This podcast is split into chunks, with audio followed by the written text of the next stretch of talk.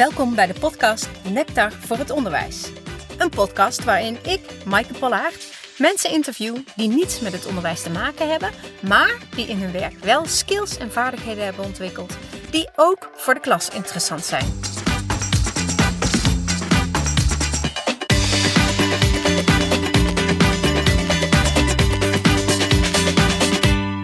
Goedemorgen.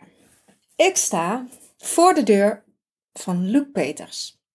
In mijn auto nog, want ik ben drie kwartier te vroeg. Nou, dat is wel echt royaal te vroeg, dus ik blijf nog even zitten. Maar dat geeft mij mooi de gelegenheid om het gesprek van vandaag even te introduceren. Luc Peters is acteur. Je kent hem misschien uit films, series, programma's op tv.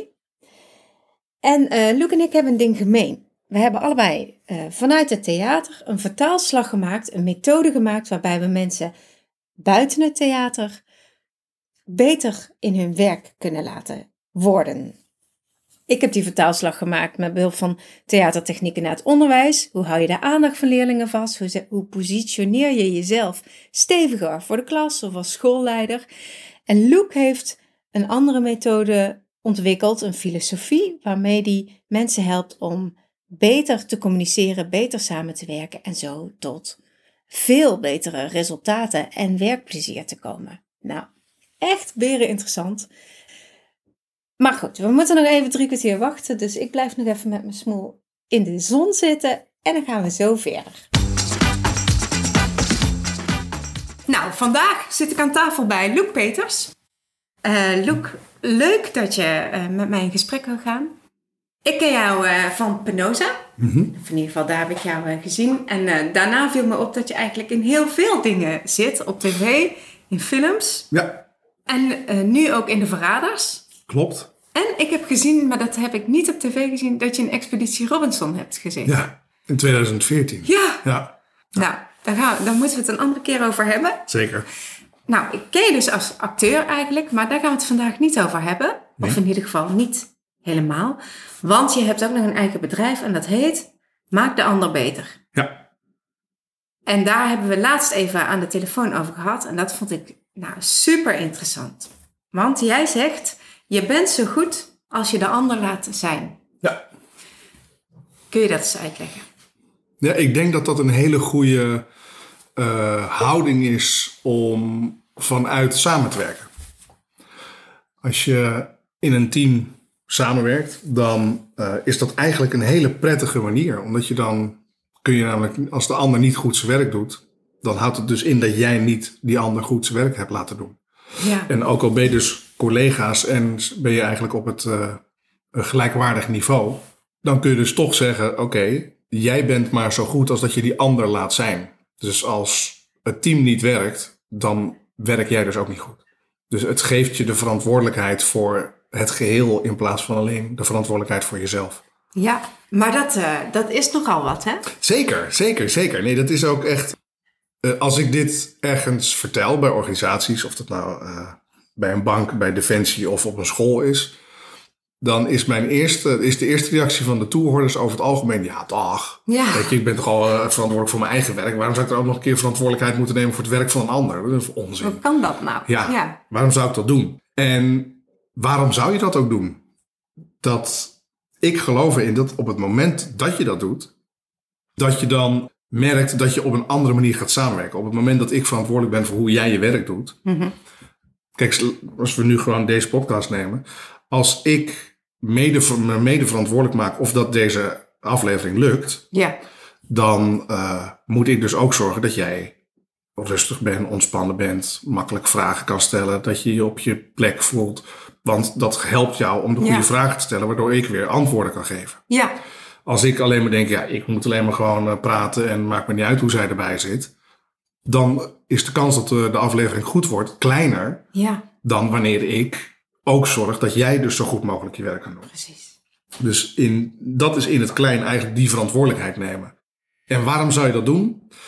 Het is niet zo dat als jij in je eentje je werk goed doet, dat het dan goed komt binnen een team, een organisatie of Nee. wat dan ook. Bij mij als acteur, even heel snel uitgelegd, Ja. zie je het heel snel. Um, ik kan me nog zo goed hebben voorbereid, mijn tekst hebben geleerd. Um, ik ken mijn acteertechniek. Ik weet waar ik moet staan, wanneer ik moet opkomen, eh, wat ik moet zeggen. Als ik dat allemaal onder controle heb en ik ben supergoed voorbereid, maar mijn collega met wie ik de scène moet spelen niet, Ja, ja, dan sta ik gewoon nog steeds in een slechte scène. Dan is er nog steeds niks. ja, Dus op het moment dat ik ook zorg dat mijn collega's zo goed mogelijk zijn of haar werk kan doen, dan eh, eh, is de kans dat ik in een goede scène kom veel groter. ja. Dat, dat klinkt heel logisch. En ook heel mooi. En ik, eh er schieten wel allemaal mitsen en maren gelijk door mijn hoofd. Kom maar. Ja. Want hoe kan het zijn dat in dat voorbeeld van, van die scène, Mhm. het toneel, jij kunt niet de verantwoordelijkheid nemen voor, dat ik, voor mijn voorbereiding bijvoorbeeld. Waarom niet? Ja, dat is toch mijn deel, zou ik denken. Ja, maar waarom zou ik jou daar niet in kunnen faciliteren? Waarom zou ik jou daar niet in kunnen helpen? Ja, ja. Als jij last hebt met de tekst leren, Ja, waarom kan ik dan niet zeggen: hey, die tekst komt er niet in, eh, zullen we na de repetitie even samen keer op keer die tekst doen? ja, Heb je daar iets aan? Wil je liever even in je eentje, dat je even gewoon in je eentje een uur gaat en dat we daarna afspreken? Je bent nogal afwezig tijdens de repetities. Wat is er? Moeten we even de kroeg in? Moeten we even praten? Hoe zit je thuis? Wat is er aan de hand? Waarom kun je die focus niet geven? ja, Kan ik allemaal niet doen, maar dan sta ik uiteindelijk in een slechte scène. ja. Dus de reden om die verantwoordelijkheid wel te nemen, is het bewustzijn dat je positief wederzijds afhankelijk bent. Positief wederzijds afhankelijk. Ja. Dus je bent afhankelijk van de ander om het werk te doen. Ja, Alleen afhankelijkheid, dat hebben wij een negatieve connotatie aan eigenlijk als Oh, mensen. ja. Weet je, oh je bent afhankelijk. Ja, dat is, iets, iets, iets naars. Dat betekent, oh je kan het niet alleen. ja precies. Terwijl, we kunnen heel veel dingen niet alleen. Weet je, eh, je kan bijna niks alleen. Als we iets in deze coronatijd leren, is je kan je winkeltje nog zo goed voor elkaar hebben. Helemaal mooi ingericht, prachtige spullen. Als mensen niet kunnen komen, houd het op. Als de weg voor de deur open is gebroken, heb je ook een probleem. Als er geen parkeerplaatsen zijn, kun je het ook niet. Dus je, je doet het altijd samen. En dat bewustzijn en daar positiviteit aan verbinden. Dus gewoon te denken, oh wacht, ik heb die ander nodig, maar die ander mij ook. Dus we kunnen het eigenlijk samen doen. Ah, dus je erkent de afhankelijkheid. Ja. En die label je niet zo eh, negatief. Nee. Dus je hebt positieve wederzijdse afhankelijkheid. En het lekkere daaraan, daaraan is, je hoeft het dus niet alleen te doen. Het is ook een veiligheid. Aha, Want het geeft je ook, als ik op het toneel moet. ja.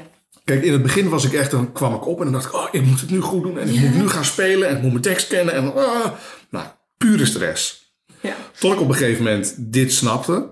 En dat ik dan gewoon op kon lopen en dacht, als ik mijn tekst kwijtraak, maakt het me niet uit. Er staan namelijk nog twee mensen op het toneel. Die helpen me echt wel. Want die willen ook. dat- Die willen namelijk ook dat die voorstelling doorloopt. Oh ja. En dan heb je als acteurs nog wel onderling dat als je ziet dat je collega de tekst kwijtraakt, dat je nog even extra lang wacht voordat je hem een hint geeft, zodat hij zijn tekst weer terugvindt. Want dan staat hij even lekker te zweten en dan heb je even een gezellig momentje met elkaar. Ja. Er staan echt mensen die dan gewoon even, dat heb ik zelf ook bij collega's gedaan, even rugzaal en dan even naar je collega kijken met zo'n kop van, je bent je tekst kwijt hè. maar op een gegeven moment ga je toch zeggen, denk je misschien daaraan. Oh ja, Ja, dat was het. En dan, Ja. dus het feit dat je ook, eh, dat je die afhankelijkheid is ook heel fijn, want dat betekent dus ook dat die ander jou kan helpen. En vertrouwen. Daar moet je dan ook met elkaar op vertrouwen. Nou, en die grap die jij dan maakt, van dat je even een, eh, zo'n blik eh, stuurt van, Mhm. haha, ik heb je door. Ja. Maar dat doe je natuurlijk alleen als, als je weet dat mensen dan niet nog verder in de, in de stress schieten of zo. Ja, maar dat is een beetje ehm, hoe werk je met elkaar samen. Als je weet dat je op die manier met elkaar ook samen kan werken, dan.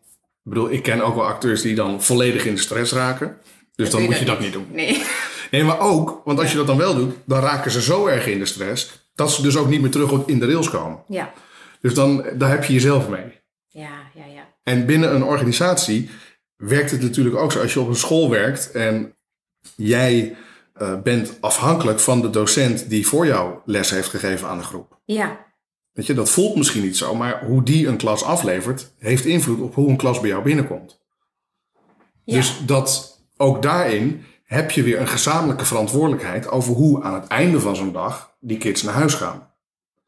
Dus dat bewustzijn en daarover kunnen praten of dat met elkaar te onderzoeken, dat is super interessant. Dat kan zoveel opleveren, omdat je dan opeens gaat bedenken: oh, wacht even, misschien leeft dit wel op dat eh, bepaalde lessen niet op bepaalde momenten in de dag moeten.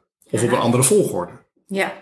Dat daarover na moet worden gedacht. Ja, ja. Dat zou zomaar kunnen. Weet je? En dat eh, het activeren van mensen om op die manier te denken, dat geeft een veel meer, je gaat veel meer een, een, eh, gezamenlijk samenwerken. En het geeft ook een veel groter gevoel van vertrouwen in elkaar. Ja, dat snap ik. Ja. En dat is ook heel fijn. Dat, dat is eigenlijk heel prettig. Dat je niet denkt, oh ja, shit, ik sta er in mijn eentje voor. Je kan dan ook makkelijker even bij eh, een collega gaan vragen van... hé, hey, ik doe het zo, maar ehm, pff, we, ik kom er niet uit. Kun jij, eh, heb jij wat tips?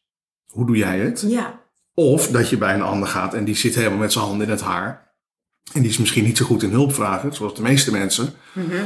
Maar we willen wel heel graag als mens hulp bieden. Ja. Dat je dus ook makkelijker kan zeggen: hé, hey, ik zie dat je een beetje met je handen in het haar zit. Wat kan ik doen om te zorgen dat jij het makkelijker hebt? Ja. Kan ik iets voor jou betekenen? Ook al zit ik in een ander lokaal, op een ander moment. Maar is er iets wat ik kan doen? Daar dan over nadenken en dan weten wat je dan dus nodig hebt, hoe je een ander kan faciliteren in zijn werk goed te laten doen. Ja, dat geeft zoveel meer communicatie. Mhm. En ja, dat is binnen maakt de ander beter. Als het iets is, dan is het een, een, een dwingmiddel, een, een dwangmiddel om te communiceren. Ja. En waar loop je dan... eh, wat zijn nog meer de missen en de maren die je hoort van mensen? Ja, wat als ik het dat dan wel doe en een ander niet? Oh ja, precies. Ja. Oh, precies. Ehm, dan geef ik ook altijd meteen aan, als jij dus wel doet. En kijk, mijn filosofie bestaat uit drie vormen van verantwoordelijkheid. Aanwezigheid. Denk na over je, wat, wat doet jouw aanwezigheid? Met wie heb ik te maken? Ehm, wat doet mijn aanwezigheid met een, eh, een, een, een klant of een collega of een, een, een leverancier? Weet ik veel wat. Wat is die aanwezigheid? Wat is mijn afwezigheid? Wat gebeurt er als ik er niet ben? Ah. Misschien loopt het dan wel beter. Oh, dat is helemaal een vervelende. Ja. Ja, maar dat kan wel. Ja. Ik ben er ook wel voor dat je dat dan durft te zeggen tegen elkaar. Als jij er niet bent, dan loopt het eigenlijk beter bij ons. En Ja. ja. maar dat is wel fijn om te weten. Want dan kun je zeggen, oké, maar wat dan? Dan blijk je blijkbaar als manager of leidinggevende Ja. eh, te veel aan eh, micromanagement te doen. Ja, ja. Dus als je daar wat mee kan, is dat heel fijn. Eh, zo heb ik, noem ik in, in lezingen wel eens, sommige mensen zijn wolkjes. Ja. En dat klinkt heel fijn. Alleen als ze weg zijn, gaat de zon schijnen. Oh, ja, ja. dus dat is niet zo positief als dat je in eerste instantie bedenkt. Maar dat is de eerste vorm, dat is die, die aanwezigheid. De tweede is faciliteer de ander zo goed mogelijk zijn of haar werk te laten doen. Dus doe jouw werk op zo'n manier dat die ander beter zijn werk kan doen. Dus ehm, voor een acteur weer, als acteur ben je geen koning. Anderen maken jou de koning. Ja. Dus ik kan als acteur gaan staan heersen. Ja. En groot, hoop, oké, borst vooruit. Nou, ik ben de koning hoor. Maar als iemand anders opkomt en die begint mij uit te lachen, dan zak ik meteen in status. Ja. Terwijl als ik gewoon op de grond lig, helemaal in elkaar gekrompen en dan komt iemand op en die begint, ehm, heer, ehm, heer, heel onderdanig. Oh, dan hoef ik de, dan word ik de koning. Dan krijg ik een hogere status. Ja. Dus door hoe ik mijn werk doe, hoe ik mijn rol speel, faciliteer ik de ander zijn rol te laten spelen. Als je Barry hebt uit Ja. bijvoorbeeld, dat moet een gevaarlijke enge man zijn. Als die een kroeg inloopt, dan kan ik heel boos zijn eh, en dat iedereen bang wordt. Maar ik kan Ja. ook lachend binnenkomen en dat dan iedereen bang wordt. Wanneer ben ik enger? Ja, ja. Als ik lachend gewoon vrolijk binnenkom en iedereen wordt dan bang, dan ben ik veel Ah, enger Ja. dan wanneer ik al boos binnenkom en ga boos lopen spelen. Ja, en dat werkt zo, want die andere acteurs, die, eh, die weten dat het de bedoeling is dat, dat jij eng, eh, de enge man bent. Wat je dus moet doen om een ander te kunnen faciliteren, is snappen welke rol je heeft. Ja. En als je weet welke rol of welke taak of welke functie, welk werk iemand moet doen, dan kun je hem gaan faciliteren. Maar dan moet je dat wel eerst gaan onderzoeken samen. En daar hoort ook bij, puur op functie is dat, maar ook wie, welk mens. Ja. Want als Oh, mens ja. moet je natuurlijk ook nog samenwerken. Ja, ja, ja. Ehm, als je op een gegeven moment weet, nou ja, tegen Joop kan ik wel een beetje schreeuwen, die kan het wel aan, maar tegen Marieke niet. Dan moet je dus tegen Marieke op een andere manier praten. Precies. Dus je moet ook de mens erachter leren kennen. En dan die derde vorm is dus die verantwoordelijkheid nemen voor. Over de verantwoordelijkheid nemen over de kwaliteit van andermans werk. Oh ja. Ja, een van de mitsen maren is dan inderdaad dat mensen zeggen: wat als ik het dan doe en de anderen niet? Je? En dan zeg ik: oké, als jij dit allemaal toepast en niemand binnen jouw team doet het, wat krijg je dan? Jij bent na het nadenken over je aanwezigheid, dus ook over dan met wie heb ik te maken, wie faciliteer ik? Ja. Hoe faciliteren mensen mij? Hoe kan ik anderen faciliteren? Als je dat gaat doen, krijg je al overzicht. Want je bent aan het kijken hoe de lijnen lopen. Ja. Als je verantwoordelijkheid neemt over de, eh, de kwaliteit, ga je zorgen dat mensen dus beter hun werk gaan doen. Je gaat niet meer zeggen, jij doet het niet goed, maar wat kan ik doen om te zorgen dat het beter gaat? Jouw personal branding, die schiet omhoog. Want dan ben jij dus de enige met overzicht. Ja. Nou, dan weet ik wel wie de promotie krijgt. Ja. Dus dat is voor jezelf een veel prettiger manier dan alleen maar het zeuren en zeiken. Nou, ja, ja, ja. ja. Zij doen het ook niet, dus ik doe het ook niet. Nee.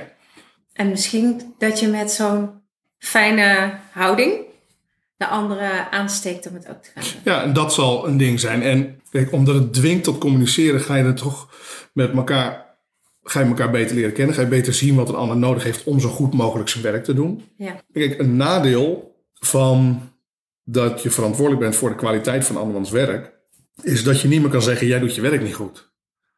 Want dan zeg je, ik doe mijn werk ook niet goed. Ja. Dus voor leidinggevenden, die vinden dat echt, dan zeg ik dit en dan zie je ze echt zo, jeez. Ja. Zie je zo'n zo'n directeur zitten en denken, wat de fuck zeg jij nou gek? Ja, hou je mond. Ja, die zeggen af- achteraf soms tegen mij van ja, ehm, je kwam hun iets geven, maar je hebt mij aan het werk gezet. Ja, klopt. Dat klopt. Maar het leuke is, je kan dus niet meer zeggen, jij doet je werk niet goed. Maar je moet gaan zeggen, waarom lukt het mij niet om jou je werk goed te laten doen? Hm. En dan kom je eigenlijk bij de vraag, wat heb jij nodig om zo goed mogelijk je werk te doen? Het heet Ja. maak de ander beter. Dat is je beginafspraak. Wij werken hier vanuit het idee dat je elkaar beter maakt en niet elkaar kapot maakt. Ja. Heel simpel. We gaan niet aan elkaar stoelpoten lopen zagen, want het is niet productief. Mhm. Dus dat is het beginbasis, eh, die afspraak. En ehm, op het moment dat je moet, eh, eh, want het is niet alleen maar positief, het zorgt ervoor op het moment dat je namelijk weet dat de ander het beste met je voor heeft, dan kan je best wel hard zijn. Ja. Ja, we vinden het heel normaal dat als je een, een, eh, een, een, een trainer, een sporttrainer, dat die gewoon zegt, hup, tien keer. Ja, maar dat kan echt niet meer, nog tien keer. Die dwingt je daartoe. Waarom Ja. accepteren we dat? Terwijl als een werkgever of een collega zegt, joh, zou je, je kan het ook zo doen of probeer het nog een keer. Dat je meteen zegt, ja, maar eh, eh, eh. Dan lopen we allemaal te janken en te huilen balken. Waarom? Het heeft te maken met het feit dat van die sporttrainer weten we dat hij het beste met ons voor heeft. Dus dat accepteer je. Ja. En dat is degene die betaal jij. Terwijl als jouw baas die jou betaalt iets van jou eist of van je verlangt, dan ga je lopen morren.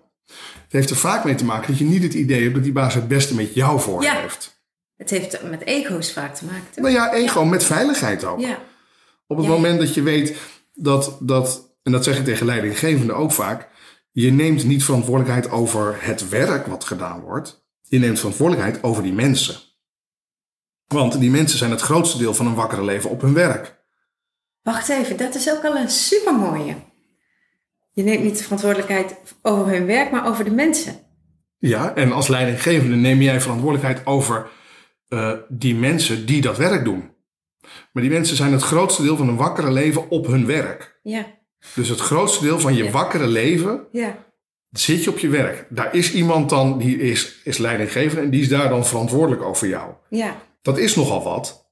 Ja. Maar als je hem ook op die manier aangaat, dan ga je op een heel andere manier met elkaar om en met elkaar een gesprek aan. Want dan is het niet, je moet gewoon je werk doen. Dan is het, joh, eh, hoe zit je thuis? Kan je hier fatsoenlijk je werk doen? Want je bent hier langer dan thuis. Laten we een beetje voor elkaar zorgen. Nou ja, en hoe kunnen we het thuis ook zo inrichten dat je hier goed je werk kan doen? En hoe kunnen we het hier zo inrichten dat je thuis ook nog een beetje te hebben bent? Ja. Maar ja, als je dat veel meer in elkaar laat lopen, dan is het niet, ah, ik moet naar mijn werk. Nee, dan heb je gewoon een leven en dan werk je en heb je vrijheid en heb je andere dingen. Nu zijn we voornamelijk met het weekend bezig, terwijl we vijf dagen op het werk zitten en twee dagen weekend hebben. Oké, en dan nu ga ik even flauw doen Ja. natuurlijk. Graag. Eh, nou ben ik eh, eh, leraar op een middelbare school. Ja. En de helft van de klas heeft gewoon geen zin. Mhm, Die gaan rennen liever achter de jongens of achter de meiden aan en eh, werken gewoon niet. mhm. Hoe gaat die vlieger dan op? Nou ja, ik zou beginnen met dit systeem aan de klas uitleggen. Begin maar eens na te denken over wat doet jouw aanwezigheid hier? Op wie heb jij nou eigenlijk invloed? Het is, lijkt me ook lastig om dat niet gelijk beschuldigend te laten klinken. Nee, natuurlijk niet. Want eh, Marieke die zit daar en die heeft altijd hele goede grappen. Nauwels heeft ook topgrappen. Dus die zorgen voor heel veel humor. Dus dat is fijn. Er wordt heel veel gelachen. Ja. Maar wat, wat doet die aanwezigheid ook? Zorgt ook soms voor onrust. Zijn er mensen die eh, op een bepaalde manier in de klas zitten? Wat voor jou, wat voor invloed heeft dat op jou? Gewoon het laten zien. Ik bedoel, de positieve wederzijdse afhankelijkheid komt uit het onderwijs. Oh. Ja. Aha. Dat is gewoon hoe eh, eh, mijn kinderen, die krijgen opdrachten die ze in hun eentje niet kunnen oplossen. Daar heb je een ander voor nodig. Ja. Dus dat is positieve wederzijdse afhankelijkheid daarvan. Ja. Dus ik denk dat het binnen het onderwijs is dit super interessant. Want wat leer je hiermee? Je leert hiermee samenwerken. Ja. Je leert dat op het moment dat je aan kinderen meteen al leert dat ik, ik, ik het niet gaat worden. Als jij maar heel goed je best doet, dan haal je het wel. Is het ook niet. Dat is hoe ik ben opgevoed, ook op school. Nee, dat is onzin. Ik kan nog zo goed mijn best doen. Als degene naast mij dat niet doet, dan zit ik nog steeds slecht. Als je beseft dat je dus onderdeel bent van een klas en van een geheel. En dat je dus als klas eigenlijk kan zeggen, hoe goed zijn wij? Wat kunnen wij? Ja. En dat houdt dus ook in dat als kinderen meer aandacht nodig hebben, nou, hoe ga je dat dan verdelen? En dat is toch echt een andere manier van, nou, iedereen doet het lekker voor zich en dan komt het Ja. wel goed. Ja, precies. Dus ik denk dat het, het uitleggen van het systeem, zonder alleen maar te zeggen van, ja, zie je, omdat jij zo doet, kan die niet werken. Dat is negatief. Ja. Terwijl ehm, het laten zien dat je invloed hebt en dat jij invloed hebt op je omgeving, is iets heel positiefs. Want dat geeft je namelijk ook kracht. Ja. Ja. Jij kan iets beslissen. Je kan ergens iets, eh, eh, je doet ertoe. En of Ja. je nou zacht bent of juist druk, je hebt allemaal invloed. Ja. Ja, ja. Zonder dat het zijig is, hè? Ik, Ja. ha- ja, ik ben niet van, van potpourri en engelenthee. Nee. Nee. nee, want het gaat mij er wel om. Het is namelijk, het is ook heel concreet. Het, is, het, het moet niet vaag worden. Je weet je, het, het, het bedenken van wat is mijn invloed op degene naast mij is super concreet. Ja. Wat kan ik doen om een ander te faciliteren? Hoe kan ik mijn klasgenoot nou faciliteren? Hoe kan ik zorgen dat ik mijn werk op zo'n manier doe dat die ander ook zo goed mogelijk zijn werk Ja. kan doen? Is super concreet. Ja, ja, ja. Oh, het lijkt me ook wel eh, griezelig af en toe. Want dan moet je aan de bak dus. Ja, je moet er wel wat voor doen, maar wat krijg je ervoor terug? Ja, dat is natuurlijk zo. Ik bedoel, het is. Kijk, heel veel mensen doen dit, hè? Op heel veel verschillende manieren. Ja. Want het, eh, eh, heel veel, als je met je vrienden omgaat, doe je dit. Ja.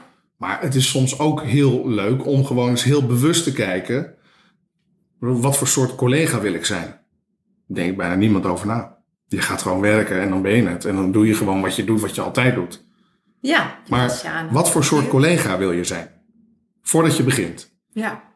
daar eens over na te denken. Wat vind ik dan belangrijk? Hoe wil ik dat ik met mensen omga? Ehm, hoe zou ik willen dat ze mij zien? En is dat daadwerkelijk hoe ik ben? Eh, of moet ik mezelf dan heel veel geweld aan doen? Dat voor jezelf maar eens te benoemen Ja. is al heel interessant. Nou, inderdaad. Leuk. en eh, als jij in organisaties komt, dan eh, eh, ben jij dan spreker en inspirator, zeg maar? Of geef... Beide. Oké. Ja, dus ik doe en lezingen. En dan, als ik bij een organisatie kom, dan heb ik eerst van tevoren één of twee eh, voorgesprekken. En dan wil ik ook echt wel, en dan vraag ik ook wel of dat ze echt hele concrete voorbeelden hebben van waar loopt het nou het stroefst binnen Ja. de organisatie of communicatie of binnen welke afdelingen en wat is dat dan? Gewoon casus. En eh, die gebruik ik dan ook in mijn, in mijn sessie, in mijn Ja. inspiratiesessie, om te zorgen dat mensen meteen kunnen zeggen, oh ja, dit is wat ik inderdaad vanmiddag op mijn werk meemaakte. En daar zou ik dus morgen ook zo mee om kunnen gaan. Ja. Ik wil gewoon dat mensen meteen de volgende dag ermee aan de slag kunnen. Ja. En, en daarna, soms geef ik trainingen, de meerdaagse. Dat hangt een beetje vanaf van wat eh, een organisatie wil. En waar ze naar op zoek zijn. Dus Ja. Aan de ene kant is dat leiderschapstraining. En aan de andere kant samenwerking binnen verschillende afdelingen. Want het is ook geen hogere wiskunde. Nee. Het is heel simpel, vooral dat verantwoordelijkheid nemen over de kwaliteit van andermans werk. Gaat er alleen maar over dat je niet meer kan zeggen: je doet het niet goed. Maar dat je altijd moet gaan zeggen bij een ander: hey, ehm, hm, het loopt niet helemaal lekker. Wat kan ik doen om te zorgen dat het wel lekker loopt? Wat heb je nodig? En dat is zo'n ander gesprek. Het gaat over aandacht voor elkaar hebben of zo, toch? Ja, het heeft er ook mee te maken. Dat is eigenlijk het meeste werk wat het, wat het, of tijd of energie die het geeft. Je moet je even verdiepen in een ander mens. Ja, precies. En waarom zou je dat doen? Omdat jouw werk daar ook beter en makkelijker van wordt. En je echt een stuk prettiger naar huis gaat. Dat is het enige wat het eigenlijk kost. Ja. Je hoeft niet allerlei ingewikkelde eh, kantoortuinen te bouwen. Nee. met planten die de communicatie bevorderen. Ja. Maar je kan gewoon een gesprek voeren. En ik geef ook wel eens opdrachten dat ik zeg van joh, ga nou eens eh, met iemand met wie je samenwerkt, maar die je nooit spreekt. Spreek nou eens af om daarmee te gaan lunchen. ja. Gewoon een beetje naast die persoon gaan zitten. En heb het dan niet over je werk. Maar over je grootste angst of je grootste passie. Hoppa. Ja. Ja, gewoon meteen in het diepe. En, want als mensen elkaar leren kennen, dan hebben ze iets voor elkaar over. Dus ga gewoon met iemand praten. Vraag gewoon wat hij doet in zijn Ja. hobby's in vrije tijd. En eh, na drie gesprekken weet je het dan ook. ja. En kun je dan ook een voorbeeld geven van waar dat dan fantastisch heeft uitgepakt? Nou, ik heb wel eens bij een, een, een theater. En binnen het theater heb je natuurlijk de sales, techniek, eh, de cateraars eh, en, en gewoon het management. En die hadden mij gevraagd of ik voor hun een hele dag wilde, eh, een training wilde doen. En een van de dingen die ik dan laat doen is vanuit al die afdelingen zet ik ze in een groepje bij elkaar. Dus uit elke afdeling één groepje. En dan heb ik ze gevraagd om te kijken hoe zij als er een klant binnenkomt, die willen iets organiseren daar en helemaal tot het einde. Wat moet er dan allemaal gebeuren en hoe doen ze dat nou samen? Wat zijn de grootste problemen die ze tegenkomen? En daar moeten ze meteen een oplossing bij verzinnen. En daar kwamen gesprekken uit dat mensen echt zeiden: Nou ja, ik wist helemaal niet dat jullie die en die dingen moesten doen. En dat gaat soms heel simpel over iets invoeren in een bepaalde manier in een computersysteem. Ja, ja. En doordat ze niet meer konden jij bakken en alleen maar moesten vragen van oké, wat heb jij nodig? Wat kan ik dan doen om te zorgen dat bij jou dat makkelijker loopt? Ja. Hadden die mensen gesprekken die ze echt nog nooit hadden gehad. En die hebben inderdaad een jaar later nog gezegd, ja, dit is nog gewoon dagelijks dat wij hier wat aan hebben. Nou, dat is geweldig. En het is vaak zo simpel, maar omdat we in de waan van de dag gewoon bezig zijn met ons werk, Ja. denken we er niet over na. Nou ja, en ik kan me ook voorstellen dat jij inderdaad denkt: eh, ik ben van de kaartverkoop. Hoe, eh, ik kan wel aan de techniek vragen: wat kan ik voor je doen? Maar ik kan niks voor je doen, dus stel je de vraag niet. Nee. Punt. Ja, En omdat je positief wederzijds afhankelijk bent, als de kaartverkoop het eh, een week of twee verkloot, dan gaat bij de techniek ook ontslagen worden. ja, Dus je bent, je bent positief wederzijds afhankelijk van elkaar. Ja. En dat inzien en dat kunnen laten zien, waar ligt nou die gedeelde noemer binnen een organisatie, dat is heel interessant. Ja, ja, Want die is er altijd. Zonder het werk van elkaar over te nemen. Want dat Zeker niet, nee, helemaal niet. Nee, nee, nee. En er zijn, als laatste dan heel even misschien, eh, er zijn ook wel eens mensen die zeggen van ja, eh, ik heb net juist van eh, een psycholoog gehoord dat ik juist niet zoveel verantwoordelijkheid moet Ja. nemen. Ja. Dan zeg ik ja, dat snap ik. En met wie heb je dat gedeeld hier op de afdeling? Ja, met niemand. Ik zeg, maar hoe kunnen ze je daar dan in faciliteren? Als jij dus minder verantwoordelijkheid moet nemen en niemand om jou heen weet dat, is er dus niemand die kan zeggen: hey, hallo, op tijd naar huis jij, werk laten liggen, niet jouw verantwoordelijkheid, chillen. ja, Oh, ja, want als jij je verantwoordelijkheid dus te veel neemt, dan is dat niet jouw schuld, dat is de schuld van de mensen eromheen. Want die moeten jou faciliteren in minder verantwoordelijkheid nemen. en daar heb jij dan weer de, de verantwoordelijkheid in om daarover te komen. Ja, ja, ja, ik snap hem. Leuk. Ja, heel erg leuk. En overal van toepassing, denk ik. Ja, ik doe nu echt eh, nou ja, van scholen, docententeams tot eh, banken. Ehm, ik heb leiderschapstraining gegeven aan eh Roy Barrette van Defensie. zorgboerderijen, echt alles. Dit is gewoon, kijk, Maak de ander beter is niet... Het, nogmaals, het is geen rocket science, maar het is het dwingen tot communiceren en nadenken over je positie. Ja, En dat kan echt vanaf de lagere school al. helder. Als mensen hier nou meer van willen weten of ze vinden dat jij op school moet komen, Ja. waar kunnen ze je vinden? Maakdeanderbeter.nl Maakdeanderbeter.nl. Ja, zo simpel is het. Duidelijk. Dankjewel. Graag gedaan. Nou, terug in de auto. Dat was het drie kwartier wachten wel waard, hè? Jee, wat een inspirerend verhaal zeg. echt heel erg interessant. Ik hoop dat je een hoop inspiratie eruit hebt gehaald. Misschien wel dat je denkt, nou, die Loek die moet bij ons op school komen, want uh, hier kunnen we alleen maar beter van worden. Ik kan me er in ieder geval alles bij voorstellen. Voor nu, dankjewel voor het luisteren. Fijn dat je erbij was en hopelijk tot bij de volgende Nectar voor het onderwijs. Doei!